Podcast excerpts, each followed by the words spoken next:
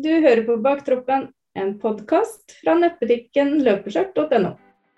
Jeg heter Tone. Og jeg heter Thea, og i denne podden vil vi snakke om løping for alle typer løpere.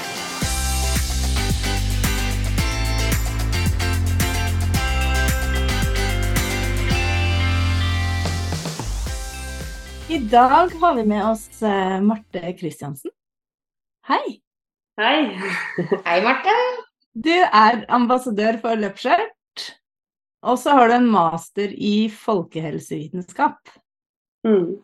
Mm. Du kan jo begynne å fortelle litt om deg selv. Ja, da har du jo sagt hva jeg heter og hva slags utdannelse jeg har. Og så er jeg ferdig.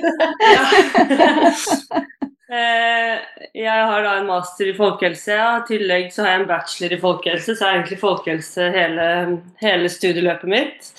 Ja. Eh, Jeg jobber jo for så vidt med folkehelse nå, men jeg valgte å starte for meg selv når jeg var ferdig å studere for eh, syv og litt over syv år siden.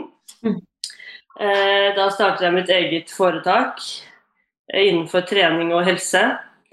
Og det er egentlig det jeg jobber med nå også. Jeg jobber som trener, kostholdsveileder, bedriftstrener, egentlig alt innenfor trening. Um, Jeg har to små barn, eh, som gjør at eh, trening selvfølgelig blir litt annerledes enn det var før man hadde barn, men det er jo et annet kapittel. Jeg har en samboer som også er veldig glad i å trene, så det går i trening og løping her hjemme. Eh, men eh, jobben min er stort sett å være ute og hjelpe folk i gang, da, egentlig uansett nivå, Mm. Mm. for å si det litt kort. Og den masteren min den har jeg på en måte i bånn. Man kan jo jobbe med veldig mye forskjellig annet innenfor eh, folkehelse. F.eks. koordinator, folkehelsekoordinator er en vanlig stilling man kan ha Mm. i kommunen eller på frisklivssentraler. Eh, men jeg var egentlig litt opptatt av at jeg ville ut og hjelpe folk. Jeg vil ikke bare lage planer og sitte og gjøre ting administrativt. Jeg vil faktisk ut og ja, Og bli, bli kjent, liksom. Ja. Ja. Så derfor valgte jeg Jeg tror ikke jeg passer til en sånn kontorjobb egentlig, så derfor syns jeg det å kunne styre dagene litt selv er veldig eh, fint, da. Mm. Mm. Men uh, du kan jo si hva bedrifta heter òg, så har vi fått lagt inn den lille reklamen også. Ja. MK personlig coaching heter mitt foretak. Ja. Uh, og så jobber jeg uh, i tillegg litt for et, en bedrift som heter Falk. Eh, der er jeg ute og jobber hos forskjellige bedrifter og har forskjellige timer for bedrifter både i og etter arbeidstid. Ja. Og så er jeg en del av Team Kristiansen, som er sånn familie, familieteam. Mm. Eh, der hvor jeg også jobber innenfor mye bedrifter, men også privatpersoner, da. Mm. Mm.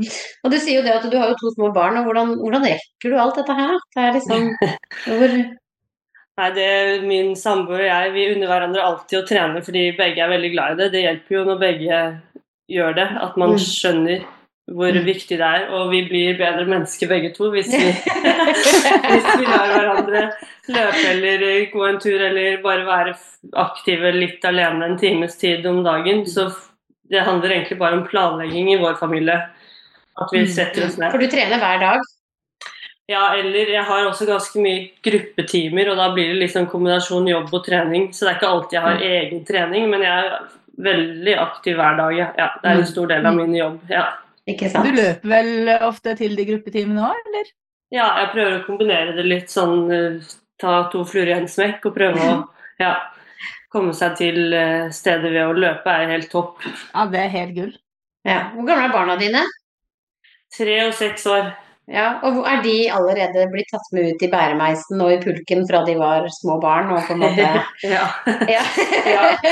Så de syns det ofte er rart. Han Else syns det ofte er rart at vi skal kjøre bil når vi kan gå, så han har allerede, han er allerede litt sånn hjernevaska på den måten, men jeg tenker at det er eh, ikke det verste. Nei, nei, nei, nei. Han blir en av de der på guttetur vet du, som er sånn der Alle kan gå uansett hvor langt det er. Det er liksom det der.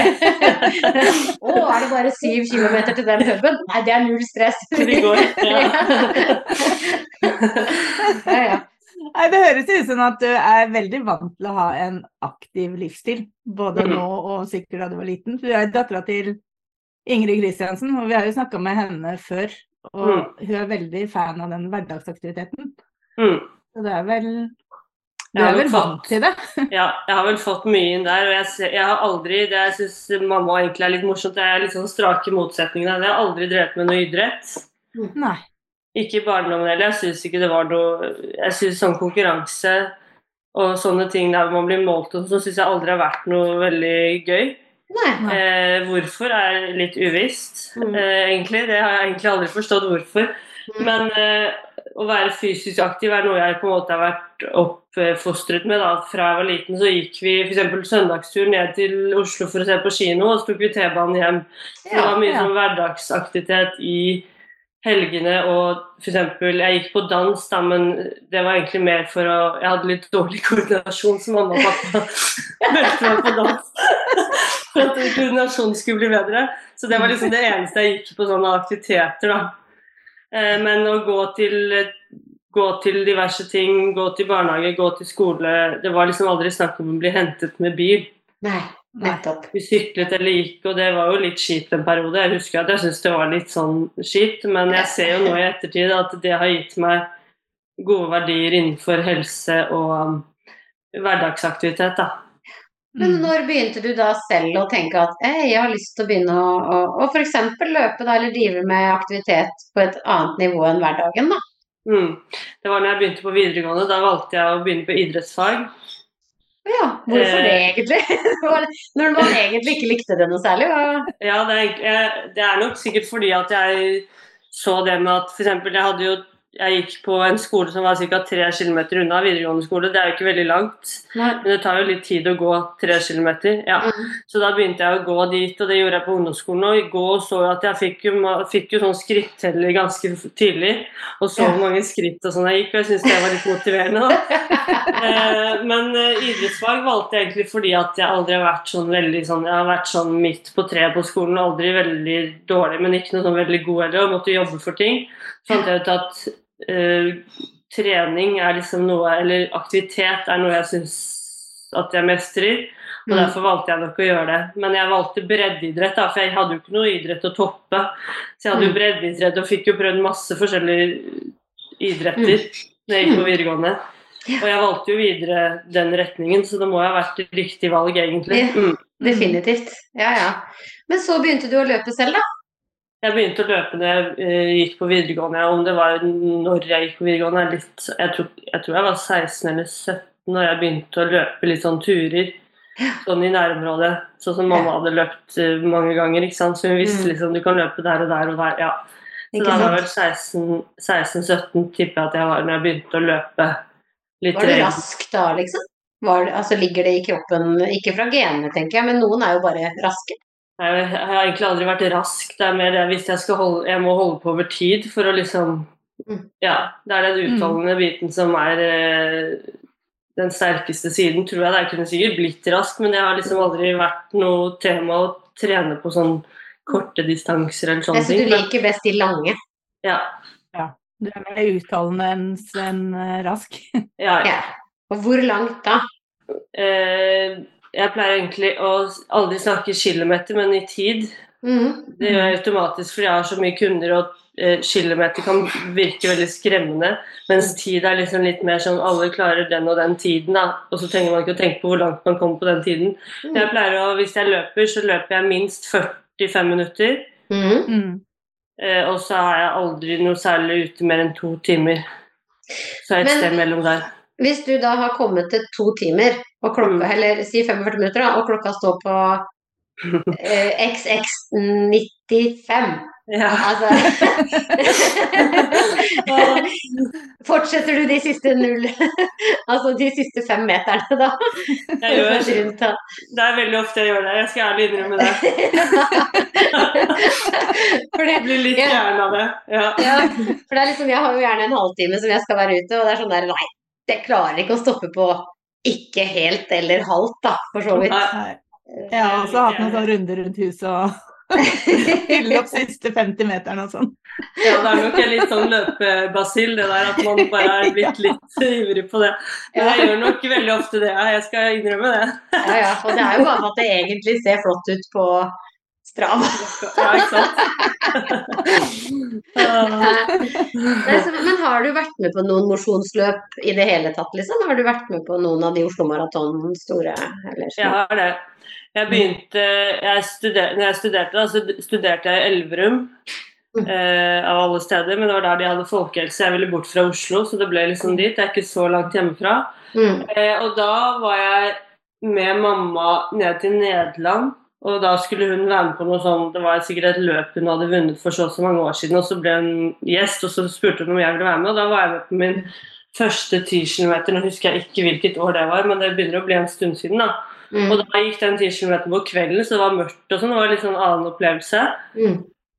Og da ble jeg jo hørt hørte underveis de snakket, ja, de snakket jo ikke engelsk, de som ropte underveis, men jeg skjønte liksom at sånn, du er nummer tre av alle damer, nå må du raske på. ikke sant, sånn, Og da ble jeg jo litt sånn motivert.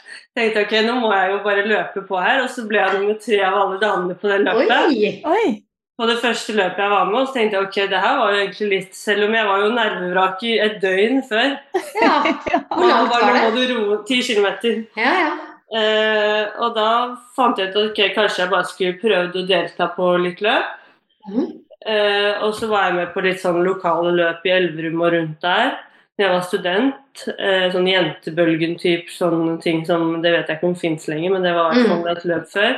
Mm. Eh, og så flytta vi hjem til eh, Oslo etter seks år i Elverum, og da også var jeg med på noe.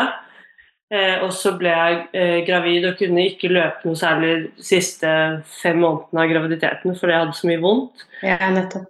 Eh, og så var det vel i fjor igjen jeg begynte å Eller fant ut at nå må jeg bare hoppe i det og prøve å konkurrere igjen. For jeg merket at det var en sånn trigger. Det var, jeg syntes det var skummelt. Jeg turte ikke. Jeg kom med alle slags unnskyldninger. Mm.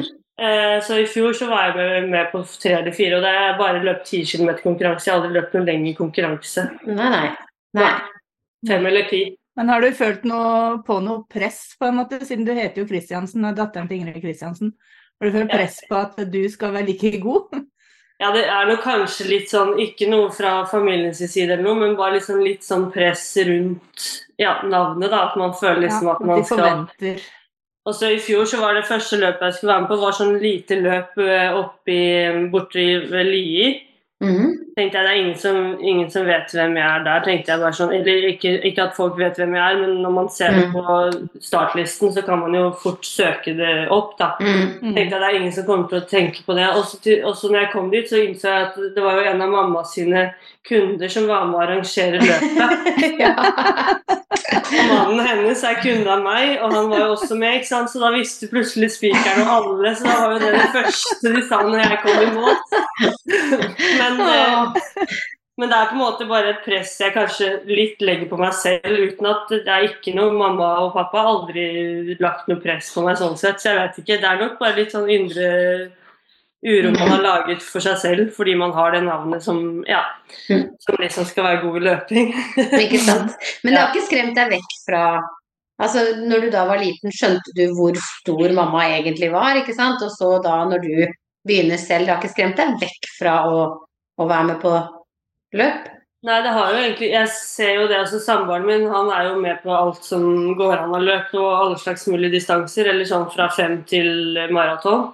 Mm. Eh, så jeg har nok også blitt litt motivert av å se hvor Mm. mye det gir han, da. Nettopp. Eh, så det har nok litt å si, det også. Og så merker jeg jo selv, sånn som dere også, så følelsen etterpå er jo helt, Mm. den er jo helt uslåelig. Mm. Uansett hvor fort eller sakte man har løpt, så er det en Ja. sånn god følelse. Så det er den følelsen som sikkert gjør at det, man har lyst til mer. Da. Jeg har ikke fått gjort det i år, da. Eh, men eh, planen er å prøve å kanskje ja, Karre til seg et eller annet løp i løpet av året? Ja, eller i hvert fall bestemme seg for å bare melde seg på noe 2024 allerede, så det liksom er litt satt. ja, er Ellers så så blir, ellers så blir det ikke gjort. Nei. Det er like greit. Det er ikke vits i å kaste penger ut av vinduet heller, og det koster jo en del å være med på løp, så det er Ja. liksom litt sånn uh, definitivt.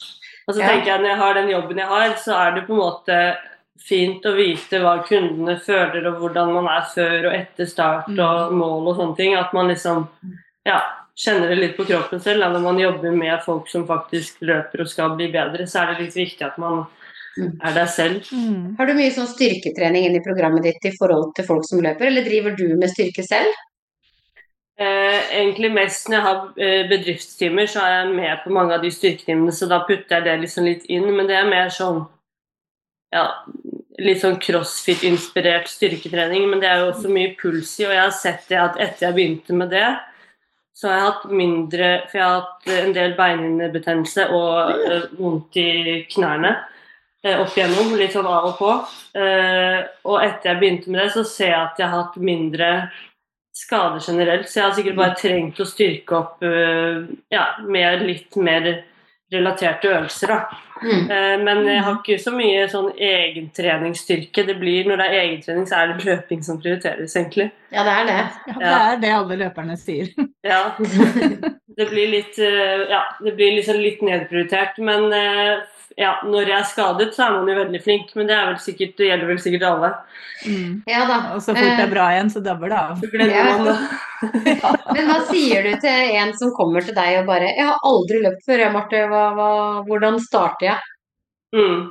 Eh, Jeg hadde faktisk en, eller jeg har en kunde nå som eh, er på min alder, som kom til meg ja, det var vel før sommeren, og ville, bli, ville begynne å løpe da, fordi hun hadde litt samme hverdag som meg, små barn og litt sånne ting. Mm. Eh, og hun hadde egentlig ikke løpt noe særlig. Og det vi starter med da, er å bare ta det helt, helt uh, fra scratch. For det første så bør man kunne løpe 30-40 minutter rolig før man f.eks. begynner med intervaller. Mm, Okay. Det er i hvert fall sånn jeg ofte sier, for det blir jo?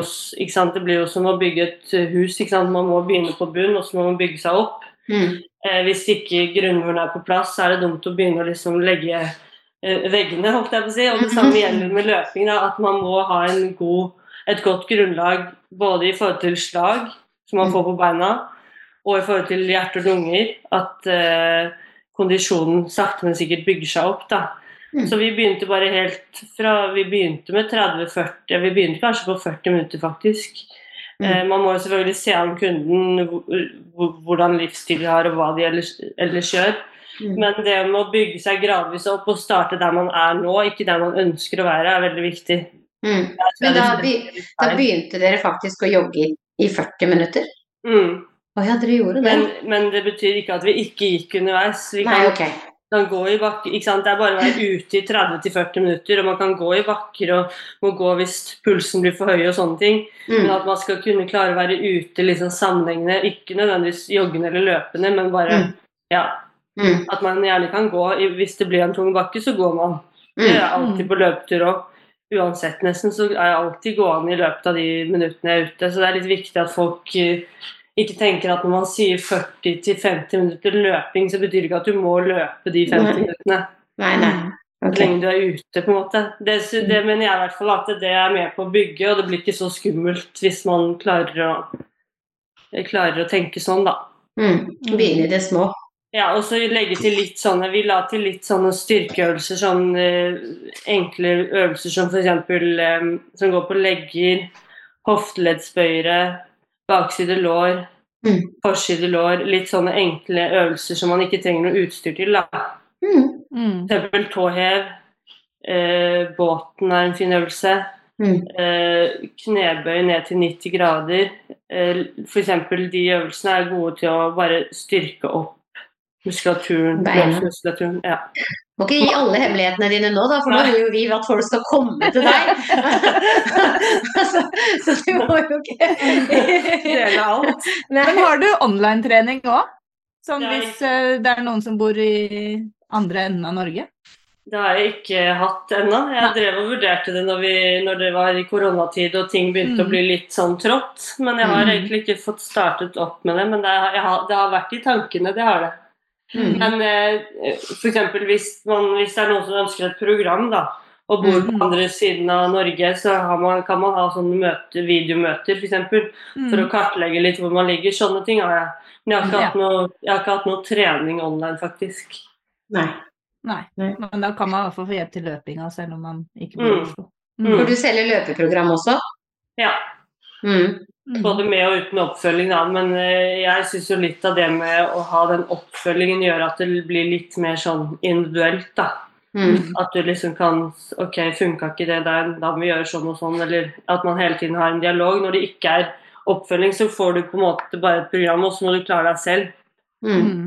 Ja, for du tilbyr vel også terskeltester du òg, sånn som Ingrid Kristiansen? Mm. Mm. Det gjør jeg.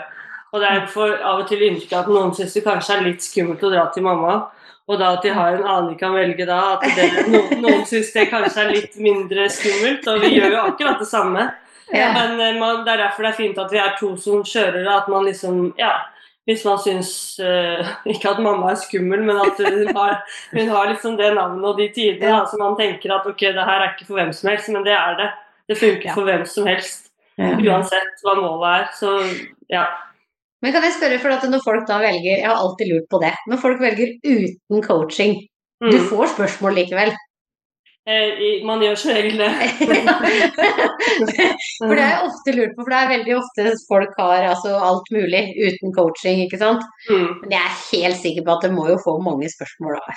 Ja, Altså, det er akkurat det, og det gjør det, jo, det gjør det jo vanskelig å egentlig selge sånn, men det er alltid noen som liksom spør Nei, jeg klarer meg selv, har du liksom noe tilbud uten noe oppfølging? Og da, mm. men det er det med oppfølging som er det som selger best, da, fordi du får, den, du får en som hele tiden følger med på det du gjør, da, for å si det sånn. Mm. ja. Ellers så må man jo være tydelig på at ok, er det uten oppfølging, så er det faktisk uten oppfølging. Ja, Og da kan du ikke stille meg noe spørsmål, liksom. Det har du ikke betalt for. nei. Enkelt og greit. ja. Ja, det er jo noe med det. Du kan ikke gå og kjøpe to brød når du bare skal ha ett, liksom. Eller ja, ta opp to når du har betalt for ett. Men, men. Men hva er planene dine framover nå, på en måte? Du, du tenker at du har lyst til å prøve deg på et løp, men du har jo små barn. og Hva, hva, skjer framover med Marte nå, liksom? Nei, løp i år. Jeg har egentlig slått det litt fra meg. Jeg vurderte Mm. Oslo nå i helgen, altså 10 km. Mm. Men så har jeg egentlig vært litt sånn småsyk over en måned nå. Da jeg, hvis jeg først skal stille på et løp, så vil jeg vite at formen er ganske bra. Mm. Og det Mm. vet jeg at den ikke er nå. Selv om det er litt, kanskje litt stikk motsatt av det jeg sier til mine kunder, så er man aldri lik med seg selv. Det blir noe annet med seg selv, tenker jeg det er lov. Ja, det får være greit, det tenker jeg òg. Ja. Så, eh, men samboeren min han skal som sagt være med på diverse fremover, og da er vi ofte med som heiagjeng, hele familien. Yeah. Altså min sønn, min datter og meg. Mm. Eh, og det, noen må gjøre det òg, tenker jeg. Ja. Ja, vi har jo sett deg i Bygdøy og Leo sammen med mora di, på Ja. sentrumsløpet. Stemmer, ja. Så vi prøver å være litt ute og synes litt, da, vise at vi er der for de som enten ønsker å få hjelp, eller de vi allerede hjelper. At det er Mm. litt viktig. Vi syns i hvert fall det er viktig å være litt sånn personlige. Det er på en måte mamma og mitt litt sånn motto at vi skal være Vi kan kanskje ikke ha like mange kunder, men det er viktigere å ha den personlige biten, syns vi, da. Mm. Ja. Der er dere veldig gode, ass. For det er eh, Mannen min har jo vært eh, hos Ingrid og tatt terskeltest. Mm. Man føler jo at man blir fulgt opp og eh, man får liksom Du blir sett, og du får liksom Du blir tatt godt imot, da. Og hun er veldig Det har jeg sagt her før òg, at jeg syns det er så fint at hun er så tilgjengelig for Mm. alle oss vanlige dødelige.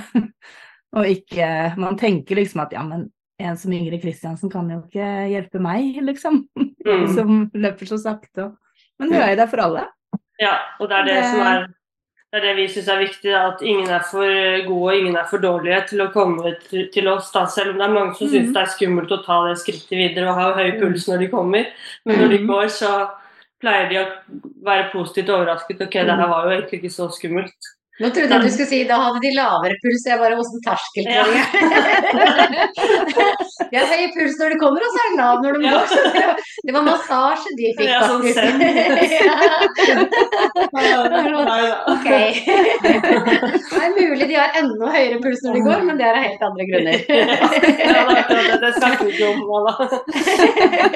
Nei, Det er jo helt fantastisk. Men, men det du sier er at da har jo ikke du egentlig samla så mange medaljer sjøl, så du er ikke sånn som henger medaljer på veggen og sånne ting, på en måte? Nei, de, havner veldig fort i en skuff, altså. Jeg vet ikke helt. Men det er, de har fått, har havnet i en skuff. Ja. Det er ikke sånn som henger opp, nei. Men jeg ser jo, det har jo egentlig aldri mamma gjort heller. Så jeg tenker, når, når hennes ikke liksom har vært, verdt så mye, så tenker jeg at det er i hvert fall ikke de jeg har fått vært å henges opp. Nei da. Jeg har jo Nei, fått noen, men de har på en måte ja, De havner fort Jeg har en egen skuff til det, det er ikke det, men det blir liksom Ja. Så du har en egen skuff, ja. Eller jeg har en, jobb, jeg har en jobbskuff, ikke sant, og er det, det er liksom litt jobb, og da putter jeg de oppi der. Ja, ja, ja. Det er jo kjempebra. Så du er jo- da å trene hver dag sånn cirka, hører du på noe spesielt da, eller er du sånn musikkjente? Eller er det sånn som du sa, sånn zen, nå skal jeg bare høre på naturen, eller er det Nei, det, jeg, etter, eh, ja, når det har vært, blitt så mye podcaster og lydbøker, og sånn, så syns jeg det er bedre å høre på det enn musikk. For jeg hører på så mye musikk når jeg har sånn gruppetimer og sånn. Så det er litt godt å liksom Og så prøver jeg av og til å bare ikke høre på noe. For jeg tenker at når jeg har små barn og trenerjobb med masse høy musikk og sånn, så er det litt digg å bare av og til Men det syns jeg fort blir kjedelig, fordi jeg er vant med å høre på noe. Ja, ikke sant? Podkast og lydbok er egentlig det jeg syns er best å høre på når jeg løper. Ja. Mm. Mm. Ja. Ja. ja Det det litt sånn er her òg. Jeg prøver meg liksom på musikk innimellom, og så blir det til at jeg setter meg en podkast likevel. Ja. mm. Det er, akkurat som tankene flyr, eller kilometerne flyr lettere, på en måte. Mm. Da kan jeg fokusere på noe annet. Jeg hører ikke hva jeg hører på, jeg, for jeg prøver liksom å ta sånn true crime, da. Jeg er veldig glad i true crime. ja. Ja. For det første så blir jeg litt redd. Eh, Sånn, hvis jeg er i skauen, så er det sånn Hvem står opp? Men det er skjønner sånn jeg ikke at du tør å høre på Nei. når du er i skogen. Og så plutselig så har jeg mista Så skjønner jeg bare Oi, er hun død nå? ja. Ja. Hva, hvor, hvor tid skjedde det egentlig? På hvem kilometer var det? Så jeg får ikke med meg, så jeg må ha musikk, faktisk. Det, Ja. ja. Men eh, du er jo kostholdsveileder også? Ja, jeg, eller jeg har ikke jobbet like mye med det. Det er liksom treningsbiten som har tatt største del. Det er liksom der jeg føler folk trenger mest hjelp. Men jeg eh, har på en måte en sånn pakke der du både kan få hjelp til kosthold og løping. Da, på en måte. Mm. Altså at du eh, tilpasser ut ifra hva ditt mål er innenfor løping, f.eks. For, eksempel. for det er jo litt å si hvor langt man løper i forhold til hva man spiser og sånne ting. Mm. Eh, men eh, når jeg, tok master, når jeg skrev masteren min, så tok jeg et årsstudium i mat, ernæring og helse samtidig. Så det er liksom derfor jeg syns den biten der er veldig spennende. For jeg syns jeg lærte litt for lite om det på masteren, og derfor valgte jeg det årsstudiet i tillegg for å få litt mer kjøtt på beinet rundt det. Og for det er jo en viktig del Mm. av folkehelsen, kostholdet. Men du tenker jo det at hvis man skal, i og med at vi snakker om løping, da, men hvis jeg skal løpe 5 km versus 21 eller 42, da, Mm. bør, bør kosten du spiser dagen i forveien og, og dagen du går ut være en annen på en 5 km enn 42? Jeg tenker at Jo kortere distanse er, jo mindre viktig er det med dagene før. på en måte. Mm. Mm. Eh, jo lengre, jo viktigere, fordi du må bygge opp lagrene dine. holdt jeg på å si. Mm. Eh, så det er jo egentlig ganske avgjørende. Mm. Eh, tiden før er vikt, ja, viktig når du skal løpe langt. da. Mm. Uka, de, den siste uka før f.eks. halv eller maraton, Mm. så bør du nesten aldri være sulten. Du skal liksom bare gønne på for å få litt ekstra Ja. Det er i hvert fall det, det er jo som alt annet, da. Det funker forskjellig på, fra person til person. Man må jo finne hva som, hva som er ditt vei til rom, holdt jeg på å si. Ja, ja. Mm. Men man skal i hvert fall ikke begynne med noe nytt dagen før. Nei. Eller morgenen før. Eller samme morgen. Den, den feilen tror jeg mange har gjort. Og det er liksom sånn, Bare fordi du har hørt at venninna di spiser den gelen før, liksom, så bør ikke du gjøre det hvis du ikke har testa det før. Det er i hvert fall første bud. Det er riktig, for vi har vel en del historier om folk som har fått magetrøbbel av de gelene. Mm. Ja. Eller sportsdrikk underveis, for den saks skyld, hvis man aldri har prøvd den før. Den Mm. som er på akkurat det løpet. Ja. Det er akkurat det. Så det er litt Ja. viktig at man er, litt føre var på det også. Så, for det er mange faktorer som spiller inn. da. Hvis man Mm. først skal begynne å tenke på det, så er det mye som spiller inn. Så det er mye man egentlig bør trene på i forveien. Sånn med å spise når man løper, f.eks. Hvis man skal løpe på best mulig tid og er litt opptatt av det. Mm. Eh, og skal f.eks. løpe halv eller hel, helmaraton, at man har øvd seg på å være i aktivitet når man spiser, f.eks. På trening. Nettopp. Mm. For det tror jeg heller aldri jeg, jeg tror ikke jeg har tenkt på det heller, jeg. At man faktisk må tenke på det at du må trene på å spise mens du løper, egentlig. Ikke sant? For Mm. det, det, blir jo, ja, det blir jo tyngre for magen også at du spiser samtidig som du rister ikke sant, i vei. Ja, ja, ja. Så, men det, er, ikke sant, det spørs jo hva målet ditt er. Hvis målet ditt bare er å gjennomføre og du ikke har noen noe tanker om tid og sånn, så tenker Mm. jeg at man ikke skal bruke så mye energi på sånne ting. Det er mer de som faktisk kanskje ikke ønsker å stoppe opp, da, fordi de vet at de har et spesifikt mål, og da kan de ikke stoppe å spise noe underveis, på en måte. Nei. Mm. Mm. Nei, Jeg satt og var tilskuer på Bislett 24 her et år, Mm. eh, og da spiste de jo mens Altså, de, de løp skikkelig fort mens de bare fikk maten servert, og så bare Ikke Ja. sant? Jeg skjønner ikke Ja. at de klarer det. Har nok med å puste om jeg skal Ja. spise samtidig.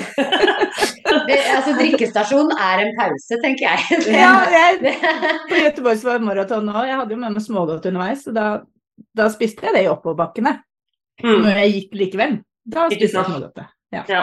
Men hva skal, jeg, hva skal jeg velge da mellom vann og sportsdrikk?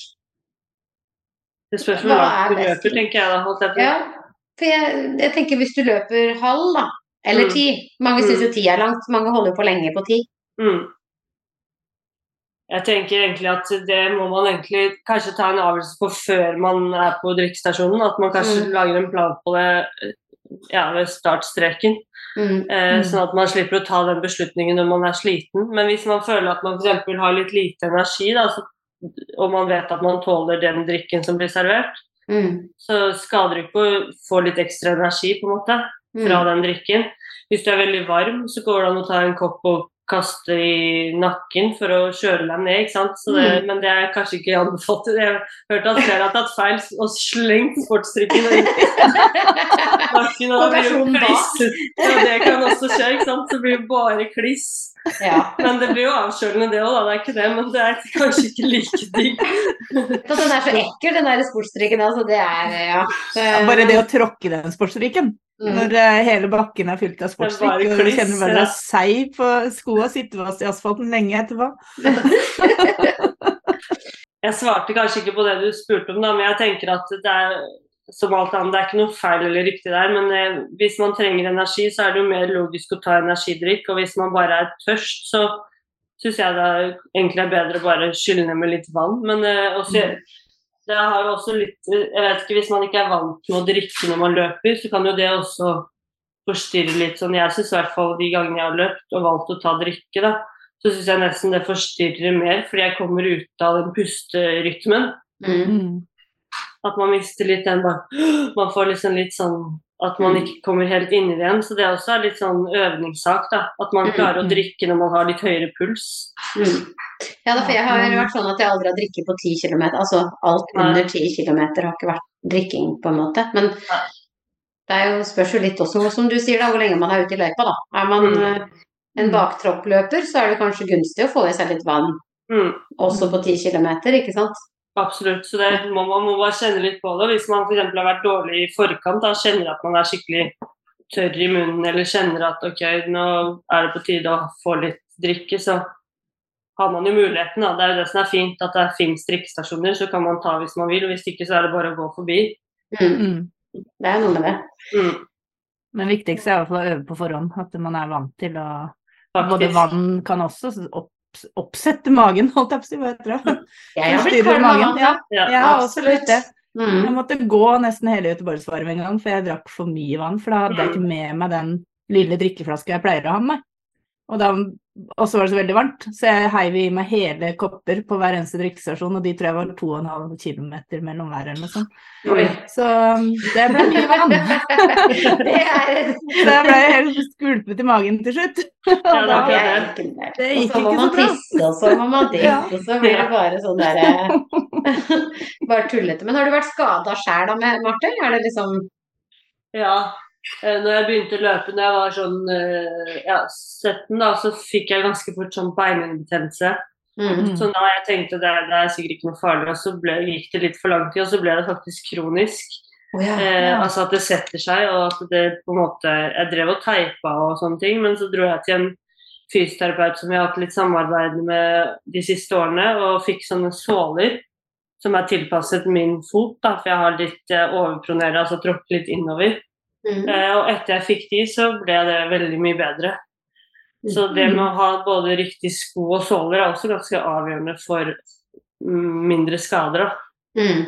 Altså at du vet at skoene dine passer til din fottype, holdt jeg på å si. Ditt tråkk. Mm. Og det sjekker man vel på sånne løpelabber og sånne ting, hva slags sko man anbefaler. Ja. Eh, ellers så, det, tenker jeg det også er viktig å prøve skoene på, ikke bare sånn som eh, hvis du ja, har et annet tråkk enn en du pleier å løpe med, så hjelper det ikke at dere har samme sko, for det er ikke sikkert den ene passer til den andre. ikke sant? Så det er også litt viktig å prøve det på foten. Eh, og så kan jo sko være, selv om det er samme modell, så kan det være litt forskjell, ikke sant. Mm. Mm. Fra modell, eller fra Fra år til år. år til år, ja. Mm. Mm. Ja ja, jeg, jeg må, burde prøve. Altså, det er jo litt sånn som jeg tenker på de Hoka-skoa, da.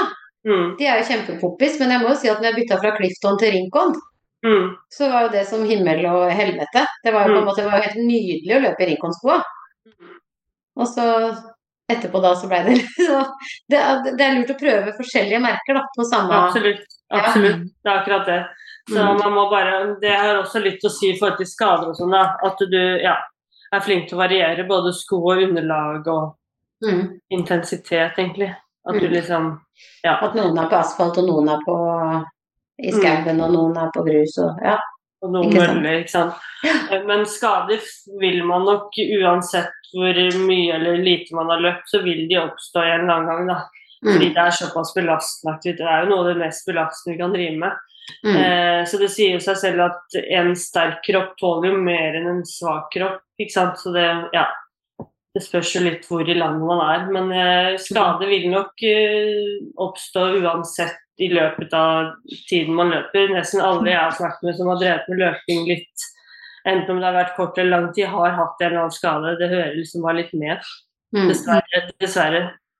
Eh, Ja. Men sant, å forebygge og gjøre litt av de øvelsene eh, som vi snakket om i sted, og ha riktig sko og eventuelt såler, er jo avgjørende.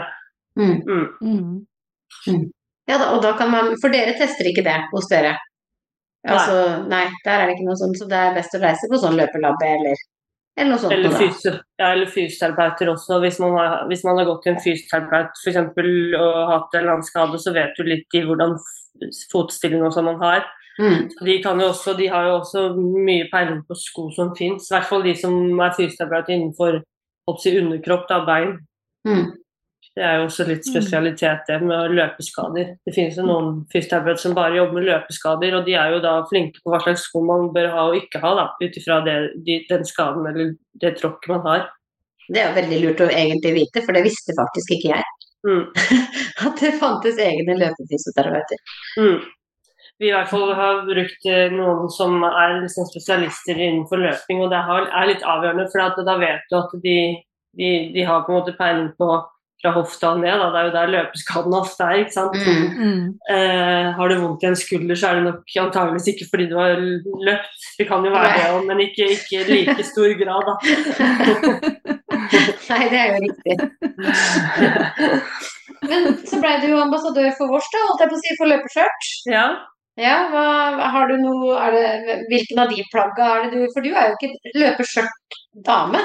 Nei, er jeg har, så jeg har liksom prøvd det, for jeg syns jo det er veldig både behagelig og Jeg har jo noen løpeskjørt nå, men jeg syns de nesten er bedre å bruke til hverdags. Altså Ja. fordi du, fordi du har på en måte den lomma tilgjengelig på låret under skjørtet, og jeg har barn som da trekker opp skjørtet, og jeg syns det er veldig praktisk å bruke jeg syns det er fint å gå med skjørt, og jeg syns det har vært behagelig å løpe i det i sommer òg, men jeg Mm. merker at jeg er mer tights enn skjørt.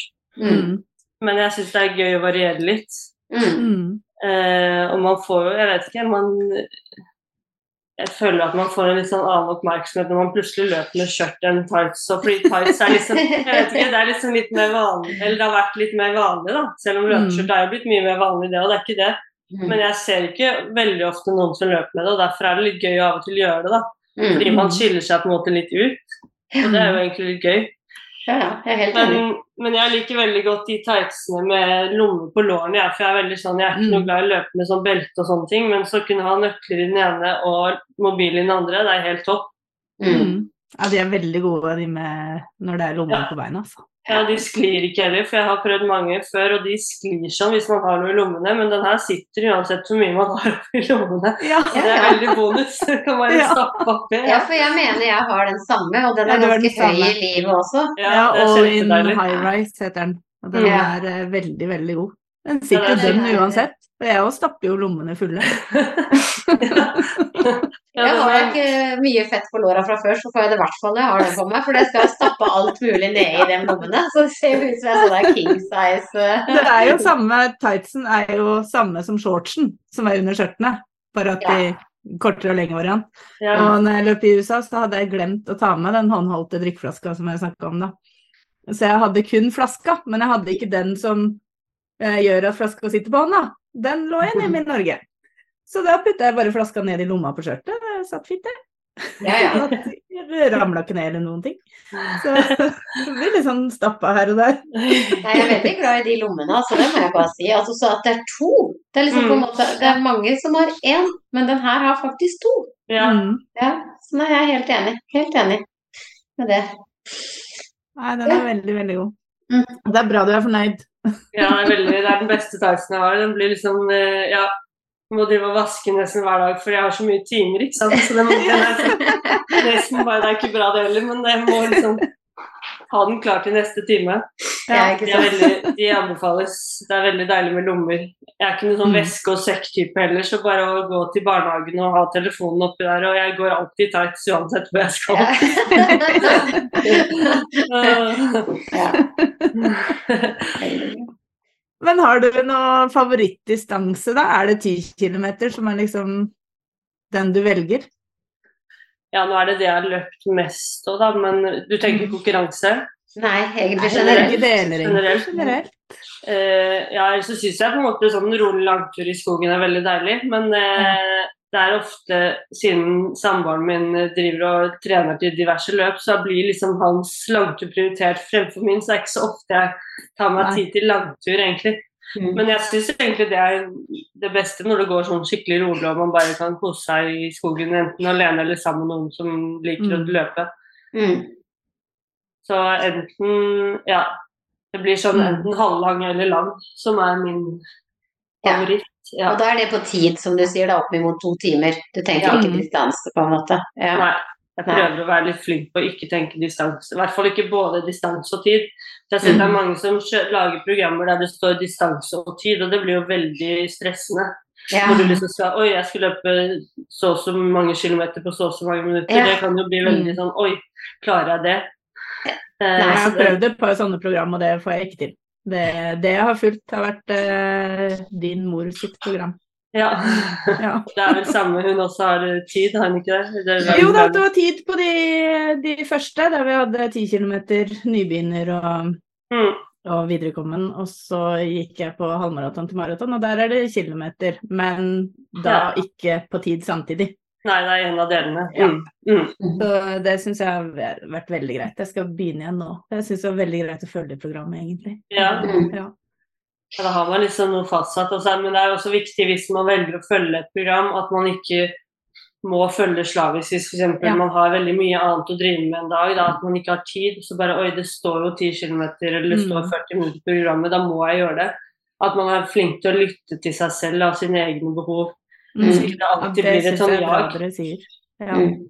Fordi man har noe annet, De fleste har noe annet i livet som påvirker, og da er det veldig dumt hvis det skal bli en sånn ekstra stressende faktor. da. For det kan det Mm. fort bli, spesielt for damer som er litt sånn, og jenter Mm. som er litt sånn man skal liksom være flink pike på alt. da. Mm. Mm. Det er Helt lov å stå over en økt selv om det står på planen. Det er veldig viktig å poengtere, egentlig, Uavhengig uavhengig om noen velger å kjøpe et program av meg eller følger av noen andre, så er det uansett veldig viktig. Mm. Men begynner man da på eh, Altså hopper man over den økta, eller tar man den økta da neste gang? det er veldig, da får jeg ofte en melding i går gjorde jeg ikke den økten, skal jeg da ta den som er i dag, eller skal jeg bytte ut? Det er litt sånn smak og behag. Det spørs litt hvilken økt man dropper òg. Mm. Mm. Altså om det er en intervall, om det er en langtur eller om det er ikke sant? Det spørs litt, så det ser jeg alltid litt an. Men da er det Ok. alltid, man får alltid et spørsmål på melding eller på mail da, om hvilken man burde velge, og det er litt sånn Ja, det spørs hva målet er. Ja, ikke sant. Men jeg Ja. pleier å si hvis du først skal kutte noe, så pleier jeg ofte å si at hvis du ikke har overskudd, så er det like greit å kutte intervallene. Du blir ikke dårligere form av å Mm. kutte intervaller en uke, på en måte, for det er veldig mange som tenker det, da. Mm. Ja, det var det jeg kutta, så det var egentlig bra. Det var de som røyk først. Hvis Ja. andre ble så var det intervallene. Ja, Men jeg holdt de som het eh, eh, HLT, det som er hurtig langtur, de prøvde Ja. jeg å holde. De Mm. likte jeg veldig godt.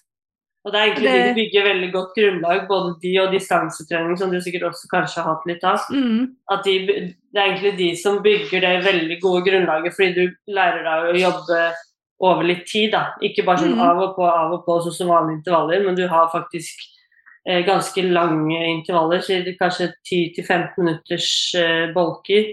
Mm. Da lærer du deg liksom å holde puls og rytme over litt lengre tid. Det er ofte mm. der de fleste har litt å hente når de merker det når de kommer litt ut i løp, da, at de ikke har den kapasiteten. Fordi de bare har kjørt f.eks. 45-15, det er ganske fort, mye fortere enn man egentlig kommer til å løpe Mhm. noen gang. Mm. Og da blir man jo god på å starte og stoppe og starte og stoppe og liksom ha pauser, men man trekker jo ikke av pausen i en total 10 eller 21 km løp. Nei, nei. Det er, det er det mange som glemmer når de trener, da, at du trenger Mm. den der kapasiteten. Egentlig uavhengig av hvor fort eller sakte du løper, så er det en veldig god base. Mm. Mm. Mm. Men jeg tenker liksom sånn som, sånn som nå for min del, da. Mm. sånn, som nå har vært mellom et ganske langt sykdomsforløp, da. Mm. Eh, som har holdt på siden ja, april, eller februar egentlig, da. Men april med fullt av gift. Og nå er jo kroppen helt på et minimum. Hvordan skal jeg starte igjen nå? Burde jeg starte med tid, kilometer? For, for nå funker jo ikke noen ting. Nei. ja, det gjør jo ikke det. Det er bare sagt stopp. Huff, ja. Fælt å sitte og le, men Det er lov, det. nå funker jo ikke noen ting. ja. Da er det veldig fristende å begynne der å slappe, ikke sant? Det er, der, det er det mange gjør feil. At de tenker bare ok, nå skal jeg bare liksom begynne der jeg slapp. Men så enkelt er det dessverre ikke. Begynne med, Jeg tenker bare begynne med å ha kombinasjonen mellom å gå og jogge. Mm. Si en halvtime, da. At du går i ti minutter, jogger fem, og så holder du på sånn. Og så Mm. øker du etter hvert eh, eh, Altså du minsker gåingen og øker løpingen litt sånn regelmessig. Det er en god start. og sånn, Det gjelder egentlig uansett hvis du ikke har løpt i det hele tatt. Som vi snakket litt om i sted. At det går an å kombinere det med å gå og løpe. Mm. Og så Jo lengre tid du da etter hvert klarer å løpe, jo lettere blir det å øke den tiden. ikke sant? Mm. At du f.eks. går i fem, løper i ti etter tre-fire uker. Mm. Og så etter hvert kanskje øker altså fra 30 til 35, og så til 40. At du tar det helt gradvis. Og så kjenner du jo fort Vi har heldigvis sånn muskelminne, da, at kroppen husker det man har gjort før. Så Ja. man begynner aldri helt på scratch, men man må bygge den sakte og sikkert opp for, å, for at man skal tåle det. Mm. Eh, Men det er også litt motiverende at folk vet at kroppen husker mye av det man har gjort før, så det er ikke forgjeves det du har gjort før, på en måte. Ja, det passa veldig godt at du sa det akkurat i dag, i hvert fall. For Ja. det, det, liksom det. det var bra. Og det, at det glemmer man litt, da, men det er, derfor, men det er likevel viktig å ta det ja, veldig gradvis. For at mm. ikke sant? Hvis du begynner for hardt nå, så ender det kanskje med at du blir skadet eller eh, feiltrent, og da må du tilbake igjen tre hakk. ikke sant? Så det er bedre å heller starte rolig, og så at det går litt sakte, og så at det går oppover. Mm. Ja for jeg har, jo, jeg har jo vært med på løp hele veien. Ja. Senest nå på lørdag, liksom, så var jeg jo med på et løp. Ikke sant? Eller løp og løp. Jeg gikk vel med løp, nesten. Jo, jo, men du har vært i aktivitet, og det er jo det viktigste. og det, At du har holdt det ved like, vil jo hjelpe deg på veien opp igjen, da. Mm. Ja da. Og så husker jeg det i den når jeg var i startfasen av løping generelt. Så var jeg veldig glad i den der lyktestolpeløpinga. Altså Mm. spesielt når jeg skulle bli god i oppoverbakker. For da tok jeg litt sånn annenhver lyktestolpe. Ikke sant? Bruke terrenget er også helt topp.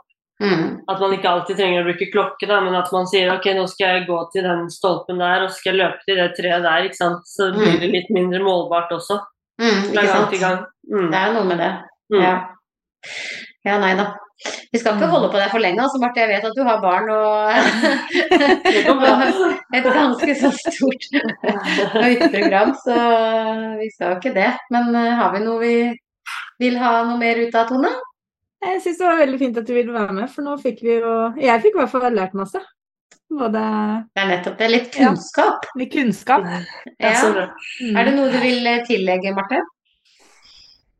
Nei, jeg tenker bare at eh, det viktigste er at man eh, koser seg når man er ute og er i aktivitet, tenker jeg. At det skal Mm. være litt motiverende. Og har man ikke lyst, eller syns man ikke det er gøy å løpe, så finn en annen aktivitet. Ikke sant? Man må jo ikke gjøre, gjøre det samme som si, andre man kjenner. Det viktigste er at det skal være litt givende, da. Og så kanskje bruke hverdagsaktivitet enda bedre. Det tror jeg kanskje alle har litt å hente på. Det å være litt mer aktiv generelt i hverdagen gjør at du blir også bedre på trening, for kroppen tåler mer. Mm. Mm. Gåturer er greit, liksom? Ja, ja. Gå, gåtur er så undervurdert. Jeg bare tenker at Det er veldig mange som tenker at å gå ikke er trening, men det er jo på en måte det vi er skapt til, da, å gå. Ja. Nettopp. Mm. Nettopp. Ja. For jeg gjorde mye av det i, eh, fra slutten av juli og ut i august. Uh, for at jeg sitter jo mye. Mm. Selv om jeg løper mye òg, så sitter jeg mye. For at jeg jobber jo ved PC, og det blir jo mye, det blir mye sitting hele dagen. Mm. Så det er ikke alltid at hvis jeg ikke har en løpetur en dag, så har jeg ikke 10 000 skritt. Og da tenkte jeg at hvis jeg har 10 000 skritt minimum da, hver eneste dag nå i august, jeg tror det hjalp meg til å ikke få så vondt i beina når jeg løper maraton. Mm. For det hjalp jo sikkert både sener og ledd og ja, at det er akkurat det. Ja, at jeg hadde hatt den daglige, da. Og så er det jækla bra for huet. Ja, det òg. Mm. Ja. Mm. Den gåturen der, den er ikke Skal ikke kimse av den, altså. Nei, man skal ikke det, altså. Det er akkurat det, så det er viktig å tenke litt på det også. At det, trenger ikke alltid være trening. Da. Så lenge du er aktiv, så er det ti minutter her og ti minutter der er bra. Mm. Spesielt for helsa, da. Mm. På sikt kanskje du ikke merker det nå, men om ti år, da så merker du mm. at det der var faktisk Det ga meg faktisk mer overskudd enn ja, enn det mm. kosta. Mm. Men burde mannen i gata trene hver dag? Eller hva er anbefalt treningsmengde i løpet av en uke? Jeg tenker hver dag er for mye for de fleste. Ja. Eh, ja, hvert fall hvis man regner trening, liksom. Mm, men en rusletur bør vel ja, det, jo, men nå tenkte jeg mer trening, ja. liksom. Mm. Nei, jeg tenker at uh, to ganger i uka er kanskje sånn de fleste burde fått til, og da spørs det jo sant, hva slags trening man eh, velger. Mm -hmm. Men å gå en tur, eller gå 30 minutter om dagen, er jo fortsatt anbefalt for voksne. Jo da. Ja, mm, det greit. Treningsmessig så tenker jeg at hver dag er for mye for de fleste. Mm. Eh, fordi at ja, man, har, man, må tenke helhetlig. Da. Det spørs helt hvordan livet ditt er eh, ellers. Har du mm.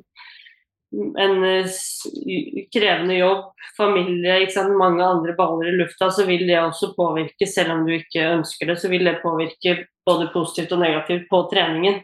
Mm. Mm. Det varierer også på hva du trener. Ikke bare trene intervaller, ikke bare trene rolig, men ha mest mulig variasjon. Så vil kroppen tåle mer, og den vil bygge seg raskere hvis du har variasjon. Da. Mm. Men mm. si fra, to, fra alt fra to ganger og oppover tenker jeg er eh, bra for eh, mannen i gata eller kvinnen i gata. ja, det er rett skal være rett. ja. Og så som du sier, at det spørs jo litt på om du både trener styrke og kondisjon. For det, er vel litt lite med én kondisjon og én styrketime i løpet av uka.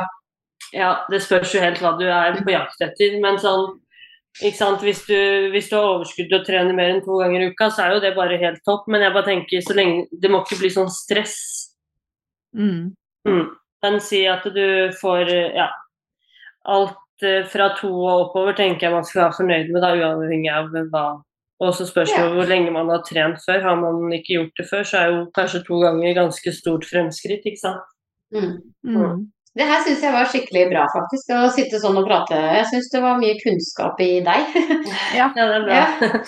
Du har jo mye breddekunnskap, det er jo sikkert den utdannelsen din nå, da. At, mm. Eh, ja, det, du, kan, du kan mye om relaterte temaer. Mm. Ja, det er bra. veldig godt formulert, ikke sant. Sånn at uh, mannen og kvinnen ja. i gaten skjønner hva du mener.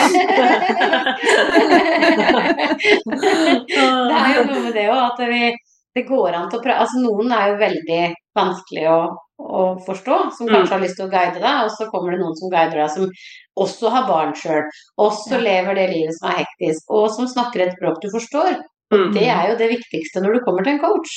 Ja, At det ikke blir for teknisk. Blir det ja. for teknisk, da detter jeg fort av. Mm. Ja, det er, viktig, det er, viktig, å bruke ord som alle forstår. Og jeg pleier aldri å bruke liksom ord som eller sånn terskel er liksom Det er ikke alle som vet hva terskel er engang. ikke sant?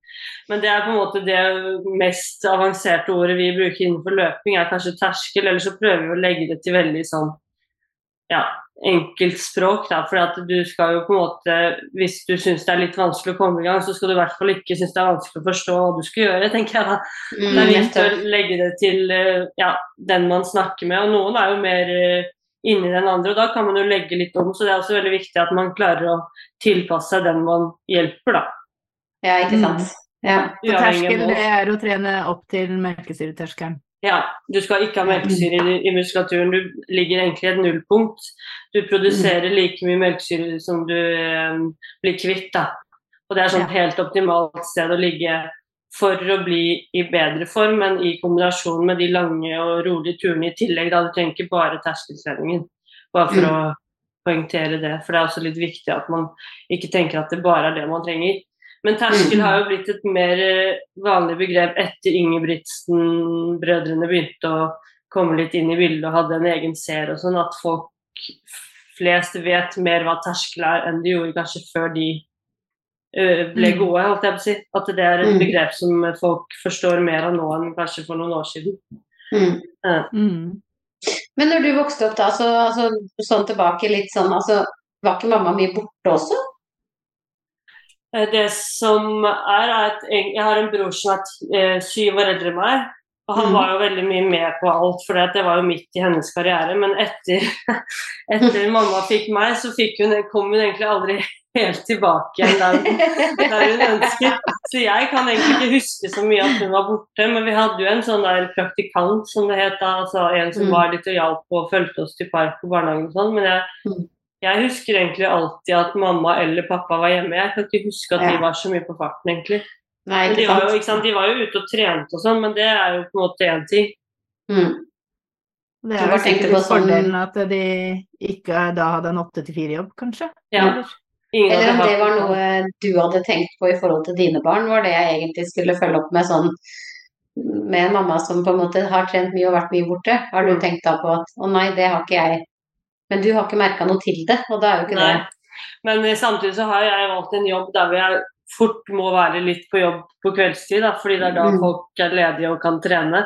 mm. Mm. Eh, men nå, etter jeg fikk barn, så har jeg jobbet mer og mer med bedrifter som da har tid på dagen. Mm. Mm. Mm. Og det gjør at jeg begrenser litt den kveldsjobbingen, da. Mm. Men eh, det er jo på en måte selvfølgelig Man vil jo gjerne være der når barna er små og sånn, men samtidig så Mm. er det jo ofte bare noen en time her og en time der, så det går Ja, ja. seg til, på en måte. Ja. Men jeg har egentlig aldri tenkt over det i forhold til hjemme, Nei. Nei. eh, faktisk. Kanskje det var i starten, men da var jeg såpass liten at det ikke Ja. Har gitt noe dårlig folk, eh, folk er jo på jobb, og folk er jo ute og reiser, og folk jobber jo på Nordsjøen, og folk er jo. Det er jo bare sånn livet er, Ja, det er akkurat det. Mm. Ja. da. Nei, fantastisk. Veldig bra. Veldig, veldig bra. Jeg håper veldig mange klikker seg inn på Vi legger ut linken til bedrifta di, Ja, takk. Ja. Mm. til, eh, til episoden. Så håper vi mange klikker seg inn Ja. der og, og, og tar kontakt med deg. Og så plutselig så har du masse å gjøre hele Ja. tiden. og aldri hjemme. Det høres ut som en god plan. Det er aldri langturer på Marte mer, vet du. Eller bare jobb isteden. Ja, ja. Nei, men da runder vi bare av og sier takk for nå. Mm. I like måte. Det var veldig bra. Veldig fint du ville være med, Marte. Ja, takk for at jeg fikk være med.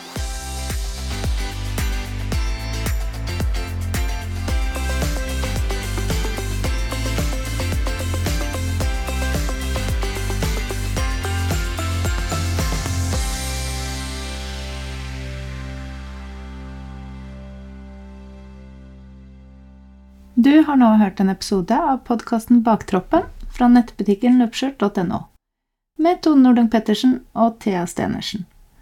Podkasten er redigert av Eileen Marking Nordang. Hos Løpskjørt finner du et stort utvalgt treningstøy og praktisk tilbehør til deg som løper. Nettbutikken finner du på www.løpeskjørt.no.